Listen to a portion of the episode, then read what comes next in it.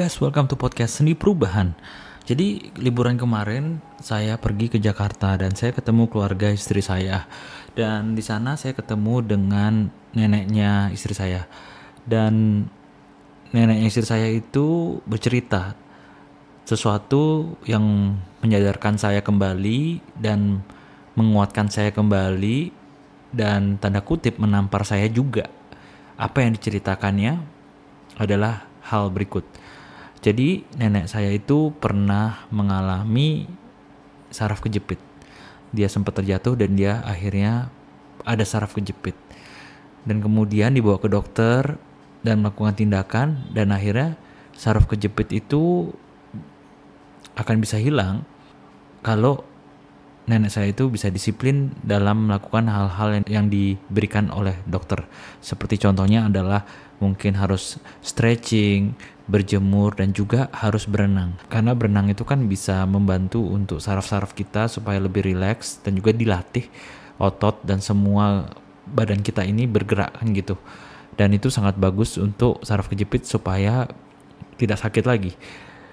Dan dokter menganjurkan ya karena udah usia juga kan. Jadi dokter juga mengerti usia nenek saya 87 tahun tapi beliau memang berbeda dari nenek-nenek yang lainnya. Biasanya kok nenek-nenek lainnya kalau sudah berumur gitu ya suaranya melemah, jalannya pelan-pelan, di rumah aja. Tapi beliau tidak. Beliau sangat energetik, masih semangat, masih kuat, masih jalan pagi, masih mau senam tai chi, masih seneng jalan-jalan dan masih bisa masak. Luar biasa. Dan dokter pun bilang namun karena usia ya pasti dokter mengerti lah jadi dibilang ya udah kamu berenang dua kali seminggu ya supaya bisa sembuh dan kemudian apa yang dilakukan nenek saya tersebut adalah dia bukannya dua kali berenang dalam seminggu dia bahkan pergi tiga sampai empat kali dalam seminggu dan terkadang kalau nggak ada yang nemenin ya dia pergi sendiri dia cerita sama saya kenapa yang melatar belakang itu semua adalah karena dia punya niat yang kuat untuk sembuh. Dia pingin banget sembuh. Karena dia masih mau jalan-jalan, dia masih mau pergi ke sana ke sini, dan dia nggak mau ngerepotin orang-orang. Dan alhasil karena niatnya begitu kuat dan dia di mana dia berenang disuruh dua kali dia malah tiga kali empat kali nggak ada yang nganter dia sendiri yang pergi tentu yang dia dapat adalah kesembuhan yang begitu cepat dan dokter pun juga impress gitu. Wow, luar biasa. Dan dari sana nenek saya berkata, makanya kita harus punya niat yang kuat. Kita harus punya semangat yang kuat. Mau sembuh, mau sembuh, mau sembuh. Lalu lakukan apa yang dokter suruh. Disuruh berenang, ya udah berenang. Disuruh dua kali dia tiga kali. Makanya dia sembuh. Dia menyelamatkan dirinya sendiri. Karena pada kenyataan hidup tidak ada satupun yang, menyelam, yang bisa menyelamatkan kita. Banyak orang yang mungkin mencoba menyelamatkan kita tapi kalau kita sendiri tidak mau bergerak kita sendiri tidak punya niat kita sendiri tidak mau ditolong maka lupakanlah itu semua kita tidak bisa mendapatkan apa yang kita mau di case ini adalah tentang kesembuhan. Dan ini menampar saya kembali karena memang belakangan ini saya struggling tentang konsistensi, disiplin, ya, dan kerap juga menunda-nunda. Artinya saya tidak punya niat yang kuat. Atau niat saya tuh belum cukup kuat, kurang painful. Dan ini harus saya menjadi refleksi diri saya sendiri. Mencari lagi my strong why. Mencari lagi alasan yang kuat. Ingat-ingat lagi alasan kuat saya untuk bermulai berbisnis. Untuk apa saya harus harus menjadi fit? Untuk apa saya harus sehat? Apa pun yang kita inginkan dalam hidup ini baik itu kesuksesan maupun kesembuhan pasti ada harga yang harus dibayar. Pasti ada struggle-nya kalau kita tahu tentang kesehatan pasti struggle-nya tentang olahraga atau tentang dietnya itu menjadi suatu tantangan kalau di bisnis banyak sekali pasti struggle-nya. Dari mengatur tim, mengatur karyawan, mengatur keuangan, segala macam. That's the pain. Banyak dari kita semua mau mimpi-mimpi kita terwujud, tapi nggak banyak dari kita juga yang mau membayar harganya, mau merasakan rasa sakitnya. Karena kita selalu menghindari rasa sakit. Tentu di cerita nenek saya tadi itu pada saat berenang pasti banyak hal yang tidak enaknya. Airnya dingin lah, apalagi dia udah usia ya. Airnya dingin, nggak ada yang nganter. Jakarta itu macet. There's a lot of reason, alasan-alasan untuk menstop dia tapi dia hanya butuh satu alasan saja yang kuat untuk dia tetap disiplin dan melakukan apa yang dokter suruh. Tetap pergi ke kolam renang apa pun yang terjadi. Karena dia punya satu niat yang kuat. Dia mau sembuh. Dia mau sembuh. Inilah yang menyadarkan saya bahwa kita mau meraih apa pun dalam hidup, ya kita harus punya niat yang kuat. Punya strong, alasan yang kuat.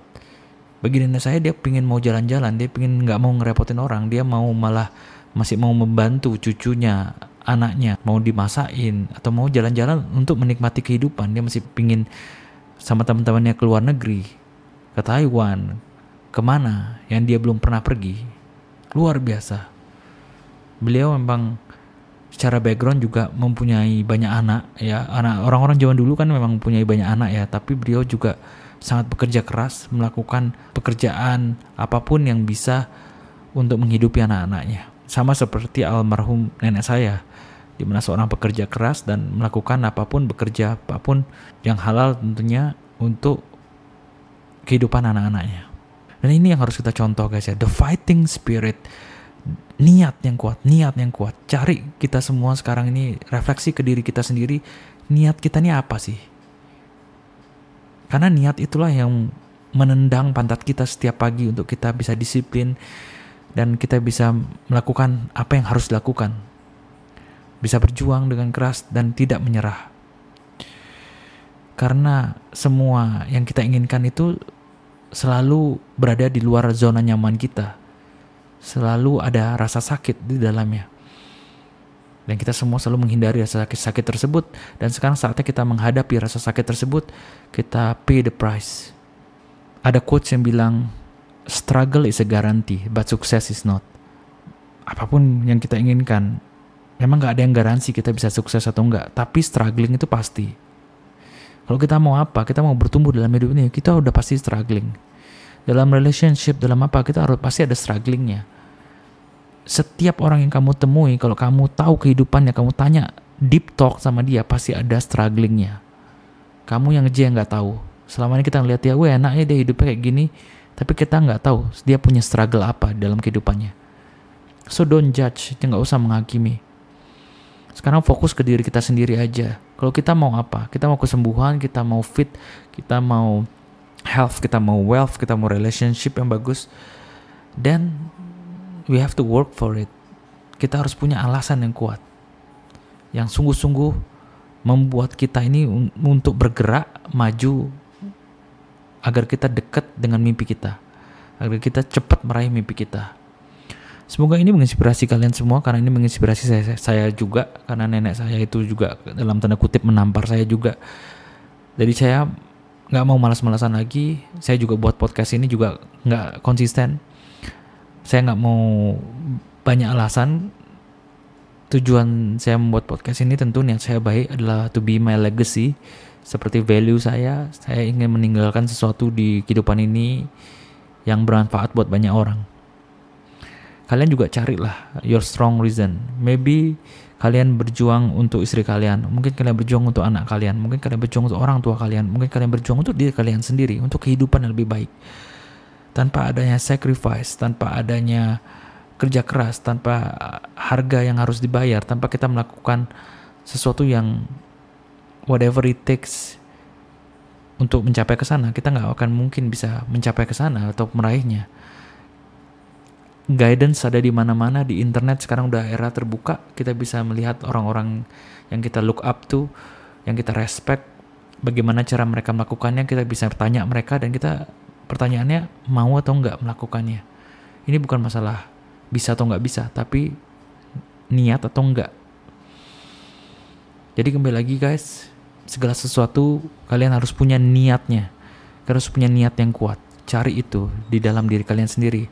Apa yang menjadi api niat kalian. Be grateful and take action. Bye.